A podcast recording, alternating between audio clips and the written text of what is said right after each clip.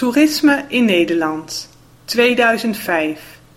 In 2005 bezochten 10,1 miljoen buitenlanders Nederland.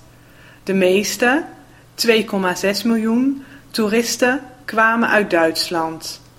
Nederlanders maakten 17,3 miljoen vakanties in eigen land en Nederland was daarmee het belangrijkste vakantieland voor Nederlanders. 2006 in 2006 kwamen er circa 10,9 miljoen buitenlandse toeristen naar Nederland, wat een nieuw record was. De toename kwam onder meer door reclamecampagnes voor stedentrips en door de wereldwijd aantrekkende economie. 2007.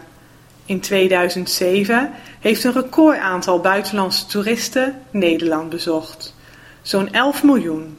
Het inkomend toerisme is daarmee met 3% gegroeid, hetgeen iets meer is dan verwacht.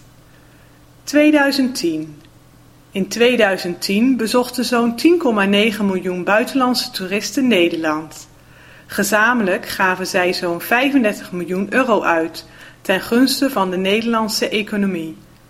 In Nederland is het Nederlandse Bureau voor Toerisme en Congressen verantwoordelijk voor de promotie van de bestemming Nederland in binnen- en buitenland.